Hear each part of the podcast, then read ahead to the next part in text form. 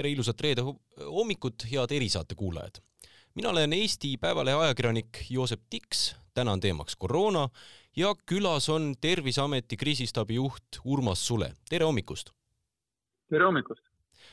nüüd homse kuupäevaga saab Eestis, ütleme tinglikult, aasta, kui esimene koroonapatsient siia tuli ja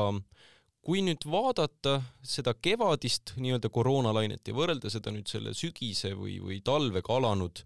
lainega, siis ähm, võib-olla esimene selline suurem küsimus olekski, kui valmis ja kas meditsiinisüsteem oli ka selleks äh, teiseks laineks niimoodi valmis, et äh, mingi hetk aastal üldse tekkis, kus oleks saanud hinge tõmmata või on praegu kõik arstid, medtööd äh, ja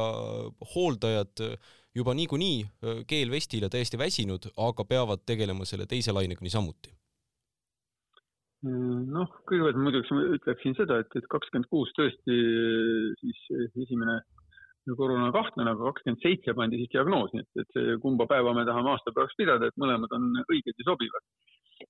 Aga kui vaadata nüüd seda, mis on vahepeal toimunud, siis selle aasta jooksul, siis toimunud on nii mõndagi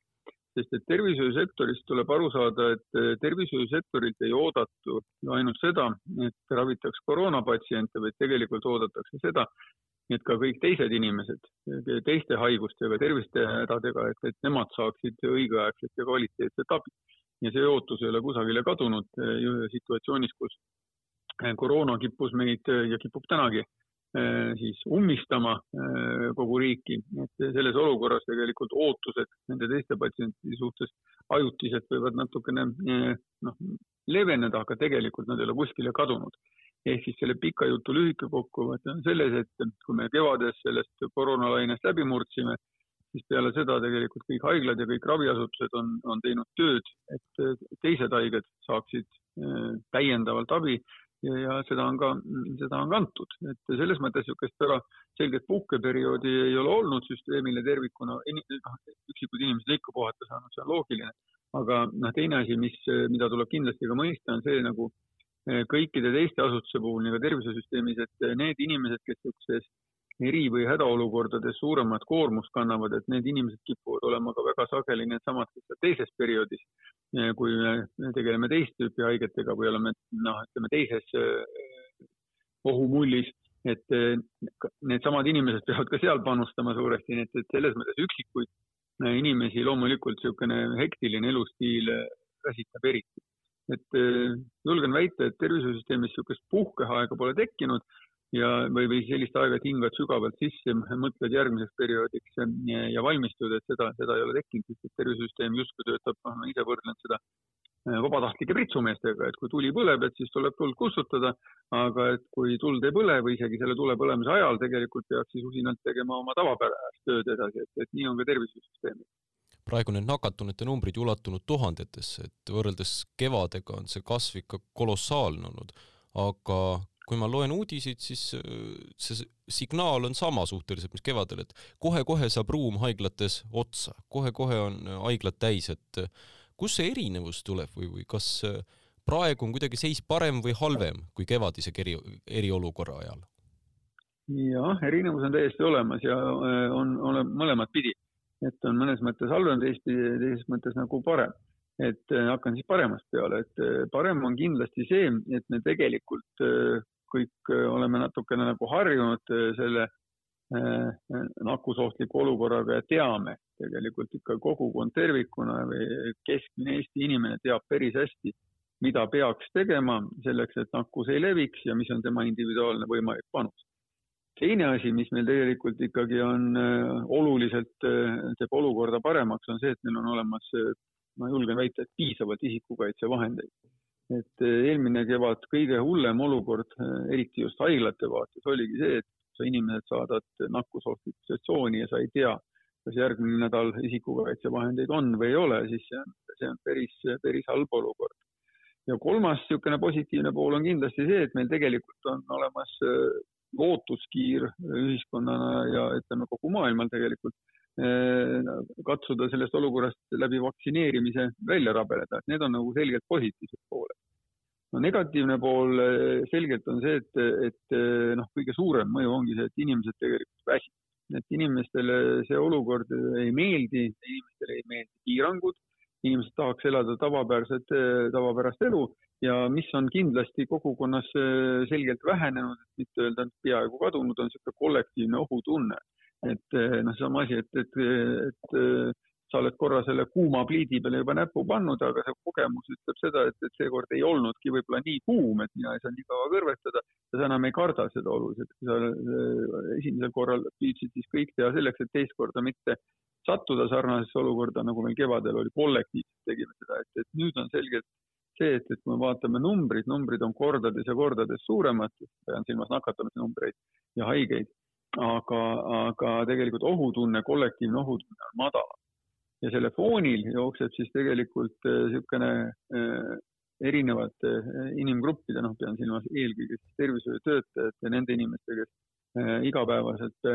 peavad selles keerulises olukorras toimetama, noh, hoolekandeasutused ja noh, neid kohti on palju, ka haridusasutused, et nende inimeste niisugune pidev ülemäärane stress ja selles olukorras eh, tegelikult inimesed eh, panustavad ja pikalt peavad vastu, aga siis hakkavad tekkima mingid sisemised eh, probleemid nii inimeste kui kollektiivi sees. et need on asjad, mis tegelikult väga välja ei paista, aga see on, see on täpselt samamoodi siin nagu noh, väsimus murdluus tekib, et ta tekib ühel hetkel tegelikult plõks, aga see, mis sinna eelneb, on, on tegelikult loogilises seoses selle tulemusega ja ka siis ravi pärast võib olla tegelikult väga pikaaegne et need on minu meelest need asjad, mis, mis praegu ühiskonnas eh, ja ka tervisesektoris selgelt domineerivad ja, ja, ja mis kindlasti on ka hästi negatiivne see, et inimesed tegelikult tahavad näha selle tunneli lõpus valgust. et me püüame seda valgust tekitada, aga inimestel on ootus, et see valgus saabuks rutem. ehk see kuu aega või kaks kuud öelda, et peaks niimoodi elama, eh, see kuu, noh, see tundub kõigi jaoks juba niisugune noh, ületamatu aeg, et, et nädal oleks võib-olla aktsepteeritav, aga, aga vot kuu aega, see on juba nagu palju. et me oleme täna jah, selles noh, kõik on armastanud kasutada sõna uus reaalsus ja omamoodi see ongi eh, uus reaalsus, et me oleme nagu sellises olukorras, kus me tegelikult varem eh, siis inimkonnana võiks öelda, oleme noh, sarnases olukorras ei olegi olnud, aga oleme eh, olnud ammu-ammu kus me arvasime, et tegelikult inimkonda need sellised suured noh, kui katkulained vanasti olid, ei taba, aga täna me oleme siin ja me tegelikult siis eh, väga hästi ei saa ikkagi aru jätkuvalt, et kuidas sellest välja saada. mis siin valitsuse teha oleks praegusel hetkel, et ühed ütlevad ju, et oleks vaja karmimaid piiranguid, ühed ütlevad, et nii karmiks pole vaja minna, et majandust on vaja lahti hoida, et kus teie perspektiivist kui arst, kui äh, te, te, kriisistaabi juht, äh, oleks see tasakaal või kuidas teha teie tööd kergemaks? Mm, jah, ega see poliitiliste otsuste langetamine lisaks on ju veel valitsus äh, kollektiivne organ ja me teame, et kollektiivses organis, noh, öeldakse küll, et kollektiivis peitub tõde, aga see tavaliselt tähendab ka seda, et protsessid on pikemad ja kollektiivne otsus alati on natukene niisugune noh, väga mitmete asjaoludega arvestav, aga noh, selline see demokraatia on et eh, no valitsus minu meelest teeb seda tööd, mis tal hetkel on, on tarvis teha, eh, aga noh, ütleme meil väga paljud niisugused halvad asjaolud on ka praegu kokku langenud ja ma ei näe kuidagi, et nad eh, hakkaksid leevenema. et selles mõttes me oleme selles olukorras, kus tõesti praegu võib tagasivaatavalt öelda, et paar nädalat tagasi oleks pidanud midagi tegema. ja kui me mõtleme, mis oli kaks-kolm nädalat tagasi, siis mina olin niisugune inimene, kes oli nagu noh, ütleme paha pessimist selles olukorras, et seal tundus, et asi hakkab paremaks minema et, et mina olen püüdnud realist olla, vaadata realistlikult, aga ma annan ka realistlikult aru, et tegelikult alati me vaatame tagantjärgi, et midagi oleks või peaks paremini tegema, samamoodi on arst ravitöös vaatab tagantjärele, kui ta mingit keerulist haigusjuhtu ja haiget on ravinud, et, et, et vot seda ja seda oleks saanud paremini teha, aga sellel hetkel vast ei ole mõtet isegi nii palju keskenduda, et praegu on selgemast selgem,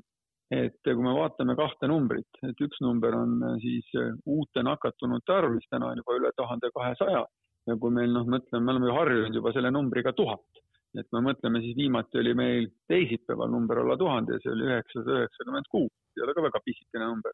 et äh, noh, sellel foonilt ei saa nagu eeldada, et selliste numbrite taustal meil olukord nagu riigis paraneks, et ta peab halvemaks minema ja lähebki selle numbri sees, mis mind teeb veel eh, eriti murelikuks, on siis eh, Harjumaa eh, nakatunute hulk. Harjumaa on meil kõige suurem maakond, ütleb, siin on meil vabariigi pealinn, siin liigub selgelt kõige rohkem eestimaalasi läbi läbi siis Tallinna, läbi Harjumaa ja kui siin on kogu aeg see kasv vaikselt, eelmisest nädalast oli pool Eestist oli siis Harjumaa nakatunud, see on vaikselt kasvanud, et täna hommikuse seisuga seitsekümmend üks protsenti uutest nakatunutest Harjumaal, siis see tegelikult on väga-väga suur oht, et kui väikses maakonnas midagi juhtub, siis on võimalik teistel appi minna suurematel, kui suures juhtub, siis tegelikult seda abi on hästi keeruline pakkuda. Ja see tegelikult tähendabki seda, et hetkel siis minu ameti vaatest või siit vaatevinklist, mis on siis tervishoid, on kõige-kõige suurem probleem siis Tallinna haiglate võimekus, et seda pannakse tugevalt testima ja selle haiglad kasvatavad oma võimekust, aga praegu siis noh, ütleme need kaks tõusu on langenud täpselt ühel ajal, et tavaliselt on niimoodi, et haigestumuse kasv tuleb natuke varem eh, ja see haiglaravi vajadus tuleb natuke hiljem. praegu nad jooksevad paralleelselt ja väga raske, kui mitte võimatu on ennustada, et eh, kas üks neist hakkab eh, langema, mõlemad hakkavad langema või tekib näiteks selline, et üldhaigestumus langeb, aga haiglaravi vajadus kasvab. Et seda on praktiliselt võimalik, võimatu ennustada, et meie arvestame sellega, et, et haiglaravi vajajate arv kindlasti kasvab katsume sellesse panustada ja, ja siis noh, ka loota, et ikkagi on selliseid positiivseid asju ka, mis vahepeal on juhtunud, et need võiksid siis, siis haiglaravi vajajate või nende inimeste hulka mingil hetkel vähendada, kes tegelikult on nii raskelt haiglad, haiged, et vajavad haiglaravi. Et üks asi, mis ma selgelt julgen välja tuua või isegi kaks asja, mis meil on praegu tervishoiusektori tugevuseks, et esimene asi on äh, see, et, et hoolekandeasutuste äh, siis äh, kliendid on vaktsineeritud ja hoolekandeasutustes haiglaravile tulijate arv proportsioonis on, on selgelt langenud, et see on kindlasti väga hea, sest et seal on kõige eakamad ja kõige viletsama tervisega inimesed, et kui nemad haigestuvad, siis nendele abi pakkumine on kõige keerulisem ja see haigus levib ka sealt kõige lihtsamalt. Ja teine pool on, on kindlasti see, et, et me tegelikult äh, raviasutuses küll ei ole päris sellist taset, nagu me sooviksime vaktsineeritusega saavutada, aga meil on ikkagi väga palju tervishoiutöötajaid vaktsineeritud. Ja see tähendab omakorda seda, et meil tegelikult äh, siis vajadust oma inimese isolatsiooni saata, kontaktsed, äh, on tunduvalt väiksem. ja selle tõttu meil tegelikult võimekus, jälle niisugune varjatud võimekus on, on suurem et need kaks äh, positiivset asja on ikkagi olemas. siin äh, mõni kuu tagasi, detsembri alguses ütles doktor, doktor Arkadi Popov, et kui korraga peaks ravi vajama tuhat patsienti, siis pole Eesti meditsiinis enam kriis, vaid katastroof. Praegu on neid umbes viissada inimesi, kes on haiglates, kui ma õigesti veel statistikat siin paar päeva tagasi vaatasin või mäletan. Et kas need Popovi sõnad on praegu ka veel aktuaalsed, et kui see tuhat tuleb, siis on katastroof? no põhimõtteliselt küll jah, sest et keegi ei saa öelda täpselt, et see üheksasada üheksakümmend üheksa ei ole ühe katastroof ja tuhat on, aga tuhat eh, võtta nüüd, mõelda läbi, et mida see tähendab siis haiglate ravikorraldusel, tuhat patsienti et eh, see on, see on eh, tõesti eh, väga keeruline olukord ja see tegelikult tähendab kahte asja, et noh, haiglad ei ole ja, ja, ja ei peagi olema üles ehitatud ainult nakkushaigete raviks. see tähendab tegelikult seda, et sa pead haiglase ruumiprogrammi täiesti ringi ehitama selleks, et tegeleda ohtlike nakkustega. ja see tähendab vääramatult seda, et sul on ühtepidi vaja ruume rohkem, keerulisemad, neid on vaja ringi korraldada, sul on vaja inimesi rohkem, need inimesed peavad äh, omandama erioskusi, väga paljud inimesed tegelikult, äh, paljudel inimestel see töö tegelikult ei meeldi, sest et arstiks olemine ei tähenda seda, et, et kõik arstiks õppinud või kõik õeks õppinud oleksid nagu väga huvitatud, motiveeritud äh, nakkushaigustega tegelema, et nad ongi sellepärast teiste, teised noh, erialad valinud, et, et sa pead sellest moraalsest dilemmast veel üle saama ja, ja äh, kui sa neid asju teed, siis see tähendab tegelikult seda, et äh, noh, mina julgen väita, et seal äh, juba varem kui tuhat, et seal ikkagi kuuest-seitsmest ajast hakkab ikkagi väga selgelt see tase, kus me peame aru andma, et mitte ainult plaaniline ravi ei saa või ei satu löögi alla, ehk siis plaanilist ravi peab vähendama tuntavas ja väga tuntavas mahus, vaid tegelikult see tähendab seda, ka erakorralise ravi korraldus hakkab vägagi noh, ohtu sattuma, sest et noh, andkem aru, et kui meil näiteks intensiivravi vajadus nakkushaigetele kogu aeg kasvab, ja me seda siis võimekust tõstame, siis tähendab seda, et meil tegelikult võimekus teiste erialade, olgu need traumad, põletused suured, et, et nendega on meil võimekus vähem tegeleda, et intensiivravi on kõige kitsam koht, et seal on kõige spetsiifilisemad siis voodid seal töötavad väga spetsiifiliste oskustega inimesed, ruumiprogramm on spetsiifiline, et kui me seal hakkame kitsikusse jääma, siis on olukord keeruline. loomulikult on ka seda võimekust võimalik tõsta, aga see on, see on keeruline. täpselt samamoodi tähendab ju seda üldiselt haigla, et kui on haiglas ainult Covid haiged, siis tegelikult see hakkab mõjutama äh, kõike seda, mida ma kirjeldasin, et jah, see tuhat on, on kindlasti hästi kriitiline number ja me kõik äh, tegelikult ju nii alateadvuses kui äh, loodame, kui me tegelikult ka panustame selleks, et seda tuhandet ei tuleks et eh, jah, et mina loodan, et seda ei tule, aga ausalt öeldes, ega meil kõigil oli vaikselt lootus ka, et seda viitesadat ei tule ja täpsustan üle, et täna hommikuse seisuga siis tõesti haiglaravil on, on viissada kümme patsienti, noh, millega me jälle nagu oleme selle viiesajaga juba harjunud see trend on ju sinna suunas, et need numbrid ikkagi kasvavad, et isegi see kuus-seitsesada ei tundu nüüd mägede kaugusel, et kas hetkel on midagi, mis paneks takistuse sellele numbrite kasvule seal haiglas või on mõned plaanid, ma ei tea, kas see sõjaväehaigla siis välja tuua siia Tallinna linna, mis me teeme? noh, tegelikult eh, see haiglaravi vajaduse, ütleme siis, või nende inimeste aitamine, kes vajavad haiglaravi on ikkagi selles mõttes, see number ei teki iseenesest, see tekib, tekib ikka üldhaigestumise foonil ja seda, mis ma rääkisin, et, et äh, kogukonna vaktsineerimine ja, ja eriti oluliste sihtgruppidest alustamine, see tegelikult kindlasti mingit mõju avaldab. et kui suur saab see olema, seda me näeme tagantjärele. aga ega selliseid väga niisugusi äh, noh, drastiliselt häid võtteid ei ole, et ega haiglate sulgemine on, nagu ma ütlesin, Äh, ja ainult Covid haigete raviks nagu ümberkorraldamine on väga keeruline ja välihaigla tegelikult ei anna midagi muud kui ruumiprogrammi ehk siis ruumi juurde, aga ühtepidi ta on hästi kallis meede, mida teha. Ja teistpidi tegelikult hetkel meil ei teki ju probleemi ruumiprogrammiga, eelkõige tekib probleem inimestega, seda peab siis nagu ümber suunama ja ümber õpetama ka täpselt samamoodi et eh, seal on tegelik probleem, nii et eh, see välihaigla eh, iseenesest mudel töötab kõige paremini või ta on mõeldud eelkõige nendesse olukordadesse, kus sa näiteks lähed kuskile noh, saarele nagu Saaremaale, kus seda testiti, et lähedki saarele, kus seda võimekust on vähem, sa viid selle sinna koha peale ja sa saad noh, ütleme isoleeritud haigla tekitada. et meil hetkel seda probleemi ei, ei ole ja selles mõttes selle välihaigla äh, juurdetoomine on täna kuni nelikümmend kohta hetkel, et see tegelikult ei anna suurt midagi. ehk siis see kõige suurem probleemipunkt on ikkagi see, et neid äh, inimesi, kes kannavad nakkust, tuleb juurde kogu aeg? just, et ega neid, kui vaadata seda, et milliseid piirangute pakette on siis, või paketti on siis teadusnõukoda soovitanud ja ja, ja mida siis valitsus öö, otsustas, et siis ta tegelikult tähendab seda, et alati, kui vaadata neid piiranguid ühekaupa, siis nad võivad tunduda isegi noh, ütleme nagu ebamõistlikud või isegi naljakad mõnes mõttes, miks siis nii teha. aga tegelikult nad on ette pandud äh, siis sellisel kujul, et äh, likvideerida või pidurdada siis viiruse levikut nendes kohtades, kus äh, teadlased on nagu andmete põhjal näinud või näevad leviku kõige suuremat olevat, et noh, et, et kui mõelda seda, miks nüüd koolid on niisugune äh, sihtkoht olnud, siis tegelikult äh, kõige, kõige nagu aktiivsemad äh, viiruse levitajad on need inimesed ju tegelikult, kes ise väga raskelt ei haigestu. just vanusgrupp sealt noh, teenagerid ja, ja peale kahekümne aastased inimesed, see vahemik